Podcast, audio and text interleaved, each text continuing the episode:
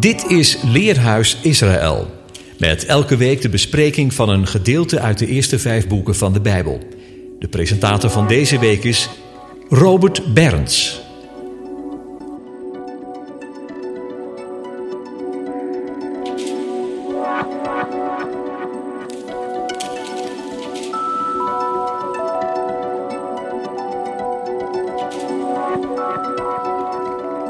Beste luisteraar, Shabbat Shalom. Vandaag de zesde parasha in de leescyclus. Parasha Toledot, Genesis 25 vanaf vers 19 tot 28 vers 9. En het gedeelte uit de profeten is Malachi 1 vers 1 tot 2 vers 7. En we nemen versen uit het boek Openbaring. De tekst vangt aan met Genesis 25 vers 19. Dit is de Toledot van Isaac, de zoon van Abraham. Abraham verwekte Isaac.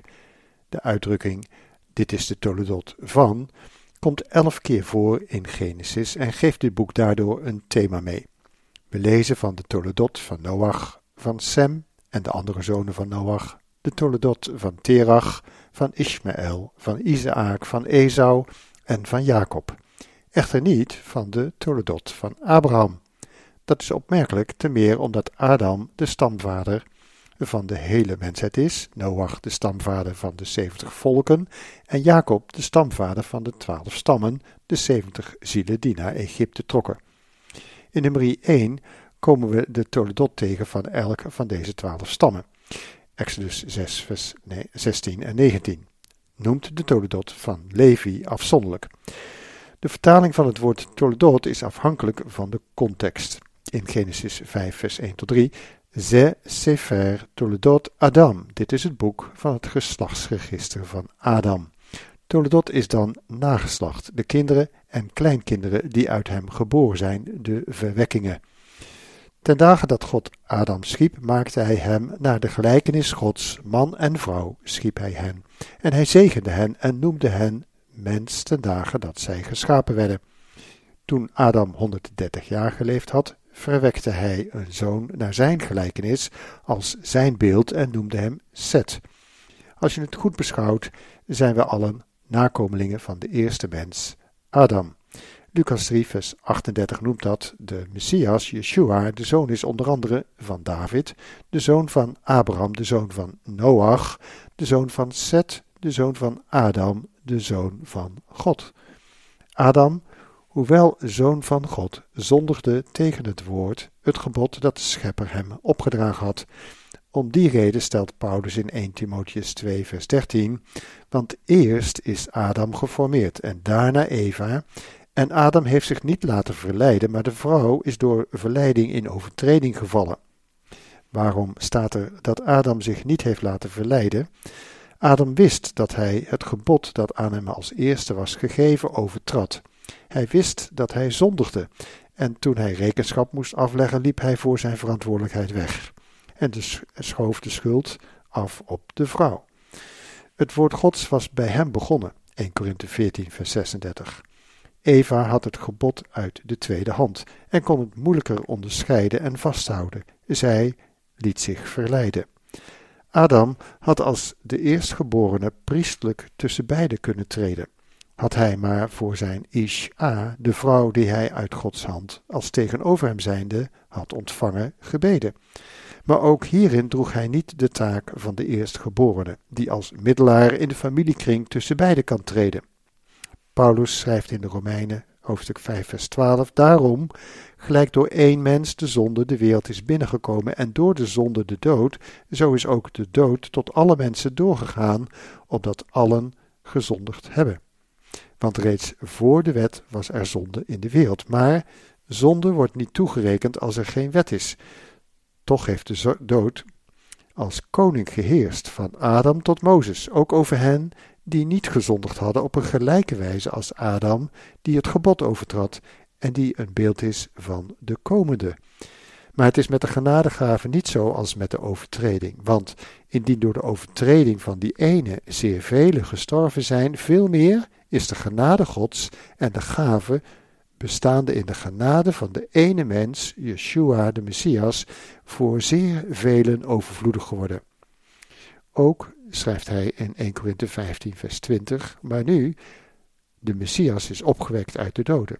Als eersteling van hen die ontslapen zijn. Want gelijk de dood er is door één mens, is ook de opstanding der doden door één mens.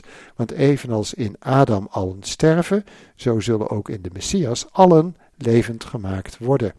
Maar ieder in zijn eigen rangorde. De Messias is eersteling, vervolgens die van de Messias zijn bij zijn komst mits je uiteraard wederom geboren bent. Deel zul je dan hebben aan het nieuwe verbond, zoals Yeshua Nicodemus de leraar voor Israël voorhoudt. De hoge priester droeg de namen van de stammen Israëls op elke schouder, zes namen, naar hun toledot, naar hun geboorte. Exodus 28, vers 10. Toledot kun je vertalen met het voortgebrachte en met de geboorten of de afstammelingen van, waarop dan een naam volgt maar ook met geschiedenis, al lijkt het dan erop of we alleen terugkijken op iets dat al afgerond is, terwijl de blik tevens op het heden en het vervolg gericht dient te blijven. Want het ontwikkelt zich nog steeds verder tot de volle ontplooiing.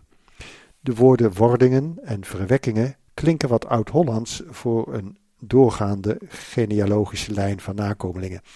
Maar door te vertalen met dit gaat er verder gebeuren met de hemel en de aarde toen zij geschapen waren, dit gaat er verder gebeuren met Noach, Noach verwekte enzovoort, dan lijken we het verleden, heden en de toekomst in hun onderlinge verbondenheid wel te benoemen. Het is opmerkelijk dat het boek van het Nieuwe Verbond eveneens met dit woord Toledot begint en er bovendien mee eindigt. Maar nu eerst een lied over Parasha Toledot naar Genesis 26 vers 5, omdat Abraham naar mij geluisterd en mijn dienst in acht genomen heeft, mijn geboden, mijn inzettingen en mijn wetten. Ekev, Ekev, Asher Shema Abraham, Bekoli, Vaishmar Mishmarti, Mitzvotai, Chukotai, Torotai, Torotai, Mitzvotai, Chukotai, Torotai, Torotai, Ekev. Mm-hmm. hold on.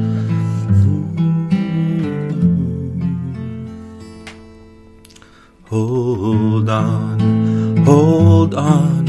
Your father Abraham was a man who listened.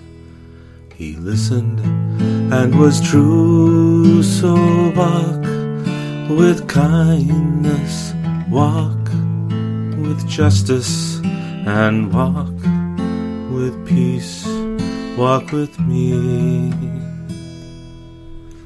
Walk with kindness, walk with justice, and walk with peace, walk with me.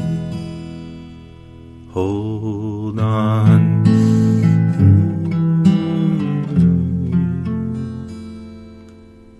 Ekev.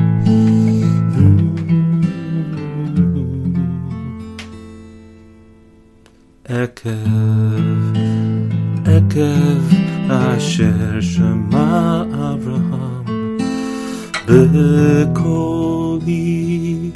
Vaishmar Mishmarti, Mitzvotai,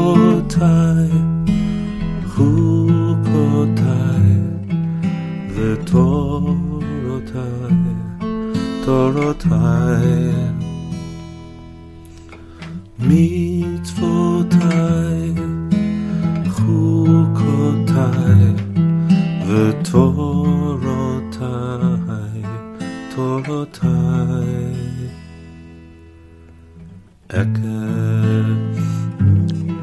In de Septuaginta, de Griekse vertaling van de Hebreeuwse Bijbelboeken, en in het Evangelie is het woord voor Toledot het woord genos. Matthäus 1 vers 1, het boek van het geslachtsregister Genos van Yeshua, de Messias, de zoon van David, de zoon van Abraham, waarna driemaal veertien voorvaderen op een rij in de genealogie van Yeshua genoemd worden. En in Openbaringen 22, vers 16: Ik, Jezus, heb mijn bode gezonden om u dit te betuigen voor de gemeente. Ik ben de wortel en het geslacht Genos van David. Het licht dat schittert in de komende dageraad. Yeshua betuigt hiermee zelf dat hij alle dingen draagt. Driemaal gaan de verhalende gedeelten in de geslachtsregisters in Genesis over een andere persoon dan degene aan wie de Toledot wordt toegerekend. Bijvoorbeeld, met de Toledot van David, van, sorry, met de Toledot van Jacob start het levensverhaal van Jozef. We lezen, dit is wat er gebeurde met Jacob en zijn nakomelingen. Jozef, 17 jaar oud, Genesis 37, vers 1. En in Genesis 10, vers 31, dit waren de zonen van Sem, naar hun huisgezinnen, naar hun talen, in hun landen, naar hun volken. Dit zijn de huisgezinnen der zonen van Noach, naar hun Toledot, afstammingen, in hun volken. En van deze verdeelden zich de volken op de aarde naar de vloed. En in Genesis 11, vers 26, toen Terach 70 jaar geleefd had, verwekte hij Abram. Nachor en Haran. En dit zijn de nakomelingen van Terach. Terach verwekte Abraham, Nachor en Haran, en Haran verwekte Lot. In de daaropvolgende hoofdstukken wordt niet het levensverhaal van Terach, maar van Abraham uit de doeken gedaan. Nergens komen we de uitdrukking echter tegen Toledot van Abraham. Niettemin is Abraham de vader van alle gelovigen. En in u zullen alle geslachten Mishpegot, families van het aardrijk, gezegend worden. Genesis 12, vers 3. En in uw zaad, Zera, zullen gezegend worden alle volken der aarde. Genesis 22, vers 18. Zoals Paulus dit nader uitwerkt in, nu zo zijn de beloften tot Abraham en zijn zaad gesproken. Hij zegt niet en aan de zaden als van velen, maar als van één en aan uw zaad, het welk is de gezalfde, de Messias. Galaten 3, vers 16. In het levensverhaal van Abraham staat dat van de Messias centraal, de verlosser van de mensheid, het zaad uit de vrouw dat de Satan de kop zal vermorzelen. Opvallend dat het zaad van de vrouw genoemd wordt. Een man heeft zaad. Een vrouw brengt alleen zaad voort door Gods scheppend ingrijpen, waarvan de profeet Micha getuigt in hoofdstuk 5, vers 2. En gij, Bethlehem, Ephrata, al zijt gij klein onder de geslachten van Juda, uit u zal mij voortkomen, die een heerser zal zijn over Israël, en wiens oorsprong is van ouds, van de dagen der eeuwigheid. Met de bovennatuurlijke verwekking, de wording van de Messias, vangt een heel nieuw hoofdstuk aan in de wordingsgeschiedenissen van de aarde. De eerste keer dat we het woord Toledot tegenkomen is in Genesis 2, vers 4. Dit is hoe de hemel en de aarde voortgebracht zijn toen zij geschapen werden, ten tijde dat de Heere God aarde en hemel maakte. Jezaja zegt daarover in hoofdstuk 45 vers 18 tot 22, want zo zegt de Heere, die de hemelen geschapen heeft. Hij is God, die de aarde geformeerd en haar gemaakt heeft. Hij heeft haar gegrondvest. Hij heeft haar niet ledig geschapen, maar ter bewoning heeft hij haar geformeerd. Ik ben de Heere, en er is geen ander. Ik heb niet in het verborgen gesproken, noch ergens in het land der duisternis. Ik heb tot het nakroost van Jacob niet gezegd, zoekt mij te vergeefs. Ik, de Heere, spreek wat recht is, verkondig wat rechtmatig is. Vergadert u en komt nader tezamen, gij die uit de volken ontkomen zijt. Zij hebben geen begrip die hun houten beeld dragen en bidden tot een God die niet verlossen kan verkondigt en voert gronden aan. Ja, laten zij tezamen beraadslagen. Wie heeft dit van ouds doen horen, het van overlang verkondigd? Ben ik het niet, de Heere? En er is geen God behalve ik, een rechtvaardige, verlossende God is er buiten mij niet. Wend u tot mij en laat u verlossen, alle einden der aarde, want ik ben God en niemand meer. Jezaja verkondigde, hij heeft haar niet ledig geschapen, en toch lezen we in de wordingsgeschiedenis van de schepping in Genesis 1, vers 1 tot 3. In de beginnen schiep God de hemel en de aarde. de aarde nu was woest en ledig en duisternis lag op de afgrond. De hom, de watervloed en de geest gods zweefde, broedde over de wateren. In de Statenvertalingen vertalingen en andere vertalingen staat was ledig. In het Hebreeuws staat echter was ledig geworden. Tussen Genesis 1 vers 1 en Genesis 1 vers 2 is blijkbaar de verwoester uit de afgrond aan het werk geweest. In de wordingsgeschiedenis van deze aarde volgen opbouw en verwoesting, herstel en vernietiging elkaar op tot aan de tijd van het einde. Daarover na dit lied meer. Nu is Psalm 36, vers 6 tot 11 in het Hebreeuws. Heere, hemelhoog is uw goede tierenheid, uw trouw reikt tot de wolken, uw gerechtigheid is als de bergen gods, uw gericht is een geweldige afgrond, watervloed. Mens en dier verlost gij, Heere. Hoe kostelijk is uw goede tierenheid, o God. Daarom schuilen de mensenkinderen in de schaduw van uw vleugelen, want bij u is de bron van het leven. In uw licht zien wij het licht. Bestendig uw goede tierenheid voor wie u kennen, en uw gerechtigheid voor de oprechten van hart.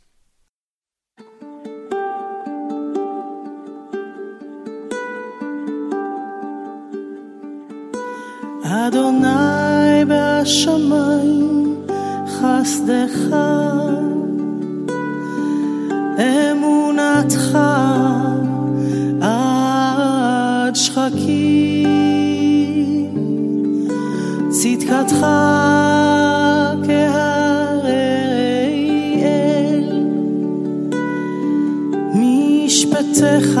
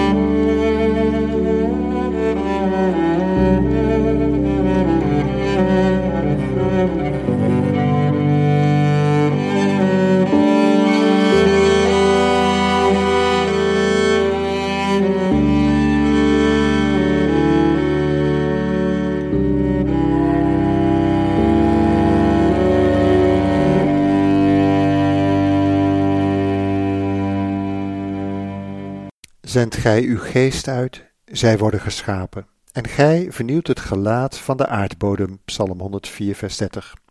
Gods geest broedde over de watervloed, de afgrond, en de schepper sprak Er zij licht en er was licht, en hij maakte scheiding tussen het licht en de duisternis. Hij bereidde de woeste, lege aarde toe voor de mens. Maar de mensheid kwam na de zondeval van Adam van kwaad tot erger, zodat het de schepper ten slotte smarte en berouwde dat hij de mens gemaakt had. Maar Noach vond genade in Gods ogen en werd met zijn gezin behouden van de verwoesting door de watervloed. De Heere maakte een nieuw begin met al wat uit de ark kwam en liet daaruit de zeventig volken voortkomen.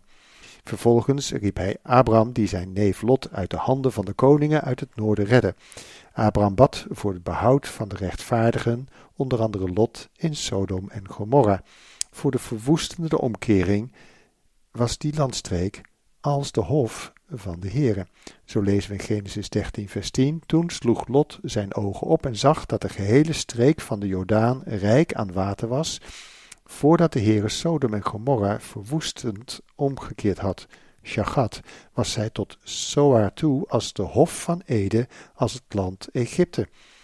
Wanneer Abrahams nageslacht in Egypte komt, de zeventig zielen van Jacobs gezin, dan worden zij na het overlijden van Jozef door de Egyptenaren zwaar verdrukt, zozeer zelfs dat zij alle pasgeboren jongens, dus ook alle eerstgeborenen, in de Nijl hun afgod moesten werpen.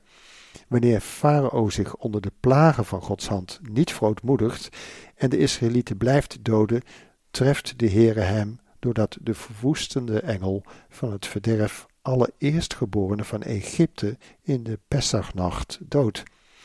Na de verbondsluiting bij de Sinai laat een deel van het volk zich in met het gouden kalf, met de aanbidding van ijdele dwaalgeesten, nietigheden. Zo verderven zij daarmee hun relatie met de Almachtige. Het volk wordt keer op keer gewaarschuwd door Mozes, Jozua en de richters die voor hen in de bres gingen staan, zodat de Heere hen niet verdierf. Deuteronomium 4 vers 15 Neemt u er dan terdege voor in acht, want gij hebt geen gedaante gezien op de dag dat de Heere op de Sinaï tot u sprak uit het midden van het vuur, dat gij niet verderfelijk handelt door u een gesneden beeld te maken in de gedaante van enige afgod, een afbeelding van het een of het ander, omdat zij anders zouden worden als uw afgoden, blind, doof en stom. Alle afgoden zijn leugengeesten ijdelheden die tot verwoesting leiden, de ziel van de individu en het volk woest en ledig maken. Daarom doet Samuel een beroep op het volk nadat zij op hun dwaalwegen terugkeerden. Vrees niet, wel hebt gij al dit kwaad bedreven, maar wijkt niet langer van de Heere af. Dient de Heere met uw ganse hart. Gij zult niet afwijken achter de afgoden, de ijdelheden, tohu, de ledigheden, die baten nog redden kunnen, die tot woestheid leiden. Slechts ijdelheid, ledig, tohu zijn zij, want de Heere zal zijn volk niet verstoten om de wille van zijn grote naam. De Heer heeft immers verkozen u tot zijn volk te maken. Wat mij betreft, het zij ver van mij dat ik tegen de Heere zou zondigen door op te houden voor u te bidden. Ik zal u de goede en rechte weg leren. 1 Samuel 12 vers 20 maar de wordingsgeschiedenis van zijn volk getuigt voortdurend van hun afdwalingen en die van de volken rondom. Ja, alle volken lopen ijdelheden achterna, de leugengeesten, zozeer zelfs dat God hen een geest van dwaling zendt en oordeelt, omdat zij geen liefde tot de waarheid hebben. Micha 6, vers 16. Want de inzettingen van Omri worden onderhouden en al de werken van het huis van Agab, en gij wandelt in hun raadslagen, opdat ik u zou overgeven tot een voorwerp van verwoesting. Na Samuel nemen profeten de taak op zich om het volk tot de wil van de Heer en zijn woord terug te brengen, zoals Jeremia in hoofdstuk 15 vers 6. Gij hebt mij verworpen, luidt het woord des Heer, gij zijt achterwaarts gegaan. Dus strek ik mijn hand tegen u uit en verdelg u. Ik ben het berouwen moe. Daarom schreef Jeremia in hoofdstuk 36, vers 29 in de boekrol die Joachim, de koning van Juda, verbrandde, de koning van Babel zal zeker komen en dit land verwoesten, en er mens en dier uitroeien. Overigens zal de Heere later Babel zelf verderven. Zelfs de verderver is in de hand van de Heere om te doen wat op dat moment nodig is. Jesaja 54 vers 16, zie, ik ben het ook die de verderver geschapen heb om te vernielen. In onze tijd roept hij de gelovigen op om als een koninklijk priesterschap in de bressen te gaan staan en voorbeden te doen voor zijn volk en de volken. Ezekiel 22 vers 30 ik heb onder hen gezocht naar iemand die een muur zou kunnen optrekken en voor mijn aangezicht op de bres zou kunnen staan ten behoeve van het land, zodat ik het niet zou verwoesten. Maar als de Heere geen voorbeelders meer vindt, dan zegt hij, maar ik heb niet gevonden, ik heb hem niet gevonden. Daarom heb ik mijn gramschap over hen uitgestort. Met het vuur van mijn verbolgenheid heb ik hen verteerd. Hun wandel heb ik op hun hoofd doen neerkomen, luidt het woord van de Heere Heere. Hij is ook vandaag de dag bereid om op onze gebed barmhartigheid te betonen over enkeling of over een volk. De gebeden weerhouden nog in enige mate de verwoester en zijn verwoestende werk. In onze tijd zien we een toenemende verwoesting van de aarde en raken meerdere diersoorten per dag uitgeroeid. We verwoesten de aarde door een onverzadigbaar begeren naar altijd meer, totdat we ons bekeren en hij ons kan vergeven en de aarde zal kunnen herstellen. Nogmaals, de verzen van Psalm 36, maar nu in het Engels. Your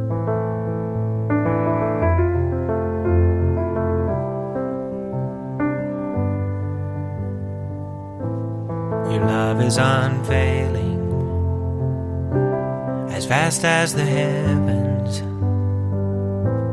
Your faithfulness reaches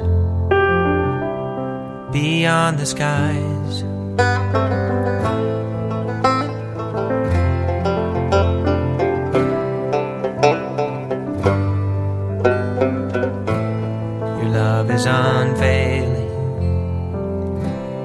As vast as the heavens.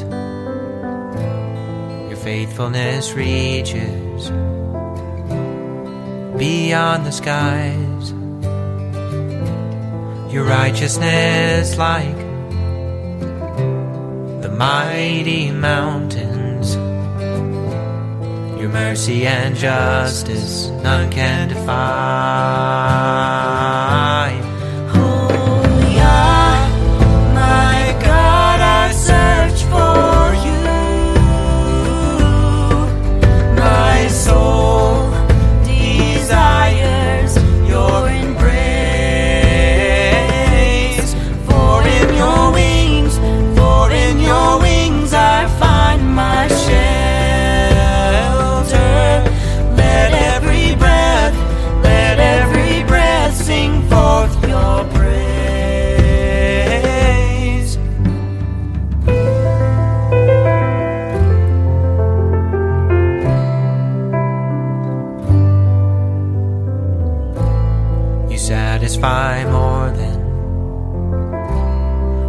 Richest of banquets. Your unfailing love is better than life. When I lie awake, I'm thinking of you.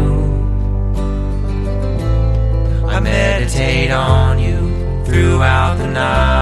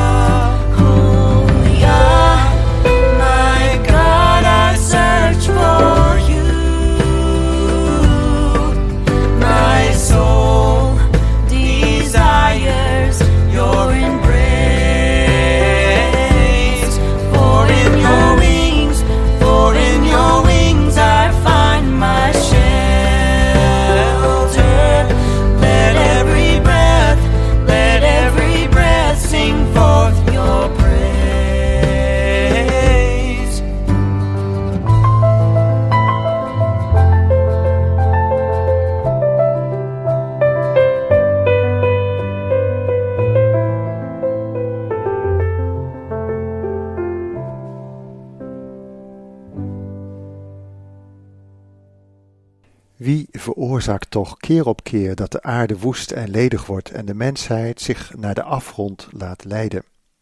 De profeet Daniel ziet in gezichten hoe dat processen zich blijven voltrekken tot het einde. Daniel 8, vers 24.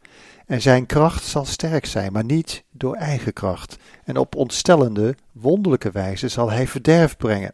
En wat hij onderneemt, zal hem gelukken. Machtige zal hij verderven, ook het volk der heiligen. En door zijn sluwheid zal hij het bedrog dat hij aanwendt doen gelukken. Hij zal zich in zijn hart verheffen en onverhoeds in stille rust velen verderven. Ook tegen de vorst der vorsten zal hij optreden, doch zonder menshanden zal hij vernietigd worden. Luisteraar, ziet u dat ook in onze tijd voor uw eigen ogen gebeuren. In stille rust gedijt het verderf, de leugen regeert en ettert voort. Velen raken in onze dagen in stille gerustheid gebonden aan onreine, aan leugen, dwaal en wargeesten, omdat zij onverschillig zijn voor de liefde tot de waarheid. Wie het woord der waarheid niet tot zich neemt, dagelijks, kan in stilte een prooi van de leugenaar van de beginnen, de mensenmoordenaar worden. Openbaringen 9 vers 11 En al die duistere geesten hadden over zich tot een koning de engel van de watervloed van de afgrond. Zijn naam was in het Hebreeuws Abaddon, verwoester, en in de Griekse taal had hij de naam Apollyon, de verderver. Yeshua was in de woestijn niet bezweken voor de verleidingen van de Satan, de overste van de afgrond. Wanneer gij mij aanbidt, zal ik u al deze koninkrijken geven en hun heerlijkheid. De koningen van deze aarde zullen door de valse profeet met het beest uit de watervloed en het beest uit de aarde, de antichrist, aanbidden en de mensen daartoe dwingen of hen doden. Yeshua zal echter de verderver verderven door de adem van zijn mond. Hij is de overwinnaar en hem is alle macht in de hemel en op aarde gegeven. Dat bleek al in Lucas 4, vers 32. En zij stonden versteld over zijn leer, want zijn woord was met gezag. En in de synagoge was iemand met een boze, onreine geest, en hij schreeuwde met luide stem: Ha! Wat hebt gij met ons te maken, Yeshua de Nazarener? Zijt gij gekomen om ons te verdelgen, te verwoesten? Ik weet wel wie gij zijt, de heilige Gods. En Jezus bestrafte hem en zeide: Zwijg stil en vaar uit van hem. En de boze geest wierp hem in het midden neer en voer van hem uit, zonder hem enig kwaad te doen. En enkele dagen daarna gebiedt hij de storm om te gaan liggen, en komen zij aan in het land van de Gardarene. Lucas 8, vers 28. Toen de man, die door boze geesten bezeten was, Jezus zag, stiet hij een kreet uit en hij viel aan zijn voeten en sprak met luider stem: Wat hebt gij met mij te maken, Yeshua, de zoon van de Allerhoogste God? Ik smeek u dat gij mij niet pijnigt. Want hij gaf de onreine geest bevel van de man uit te varen. Want menigmaal had de geest hem met geweld meegesleurd, en om hem te bewaken werd hij met ketenen en voetboeien geboeid, maar hij brak de boeien stuk en werd door de geest naar eenzame streken gedreven. En Jezus vroeg hem, wat is uw naam? Hij zeide, Legio, want vele geesten waren in hem gevaren. En zij smeekte hem dat hij hun niet gelasten zou in de afgrond, de abyss, de pijloze zeediepte te varen. Matthäus 8, vers 29 noemt dat er twee bezetenen waren. En zie, zij schreeuwde, zeggende, Wat hebt gij met ons te maken, Zoon van God? Zijt gij hier gekomen ons, om ons voor de tijd te pijnigen?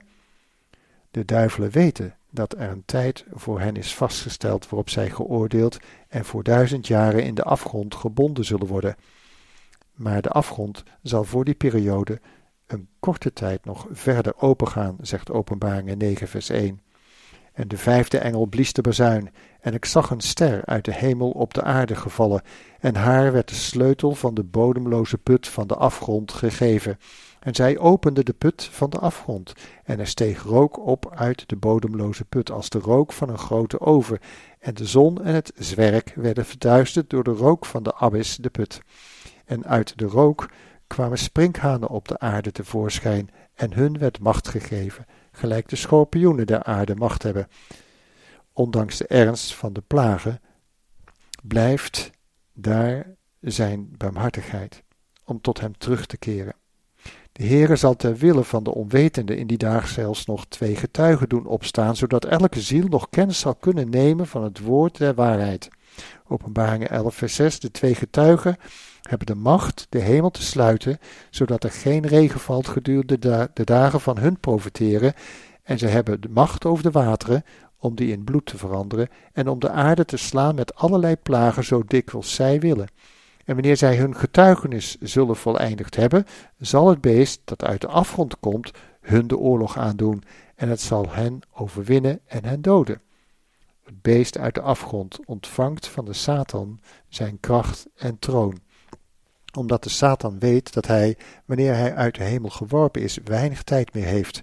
Openbaringen 12, vers 12. Dit beest, dat wonderlijk van een wond zal genezen, zal zijn macht geven aan het beest uit de aarde, lezen we in Openbaringen 13, vers 11. En ik zag een ander beest opkomen uit de aarde.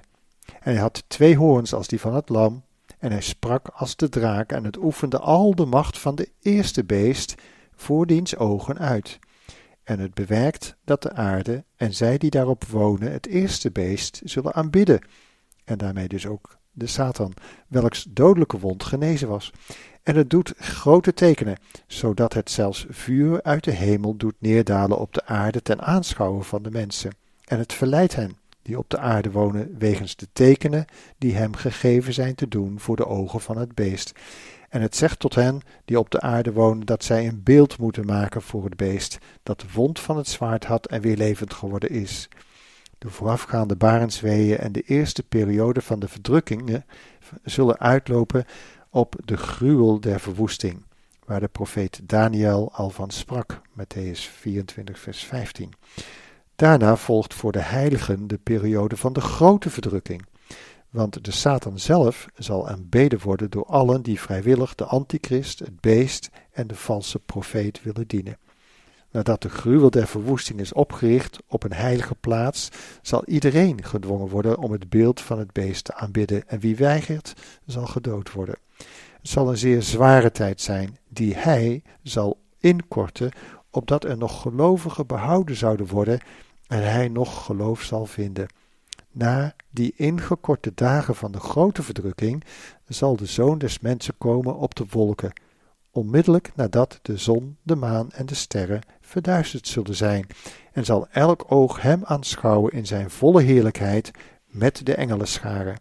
Dan zullen alle gelovigen die deel aan hem hebben verzameld worden uit de vier winden van de aarde en van het ene uiterste van de hemel tot het andere uiterste. Dan worden dus de ontslapenen in hem, in de hemel, en de gelovigen die nog op aarde zullen zijn, verenigd met hem in een punt van de tijd, en hij komt met de wolken. Daarna breekt de dag van de Heere, de dag van Gods wraak aan over allen die weigerden om zich tot het levende woord te bekeren en de Schepper niet willen aanbidden. Over die beide tekenen spreekt de Messias in Matthäus 24, vers 29, opdat wij bereid zullen zijn zoals een bruid zich gereed maakt voor de huwelijksdag. Hierna zullen we met hem duizend jaren lang regeren. Alle dingen zullen met de vervallen hut van David hersteld worden. De verwoesting zal teniet gedaan worden. De verwoester zal in de bodemloze afgrond gebonden blijven tot het einde van dat millennium. Voordat de nieuwe hemel en de nieuwe aarde er zullen zijn, zal de Satan volkomen en voor alle eeuwigheden verslagen en vernietigd zijn.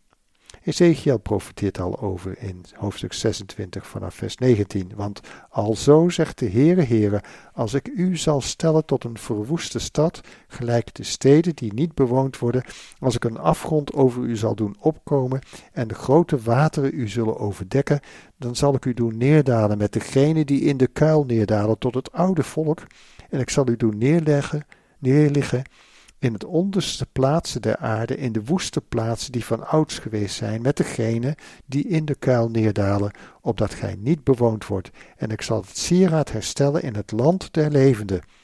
Maar u zal ik tot een grote schrik stellen, en gij zult er niet meer zijn als gij gezocht wordt. Zo zult gij niet meer gevonden worden in eeuwigheid, spreekt de Heere Heere. Dit zijn de Toledot, de wordingsgeschiedenissen van de hemel en de aarde. Zie, ik maak alle dingen nieuw.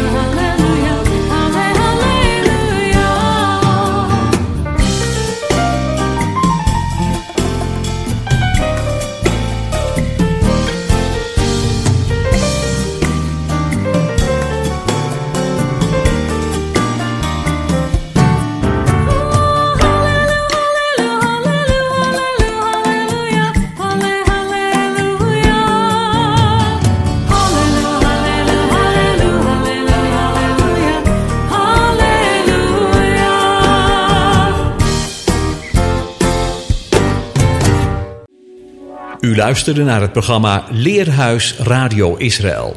Een wekelijkse studie aan de hand van de Bijbelgedeelten die wekelijks door de Joodse gemeenschap worden gelezen. Heeft u een vraag of opmerking? Stuur dan een e-mail naar info-apenstaatje radioisrael.nl. Het leesrooster vindt u op onze website. Ga naar radioisrael.nl en klik onder het kopje radio op programma's.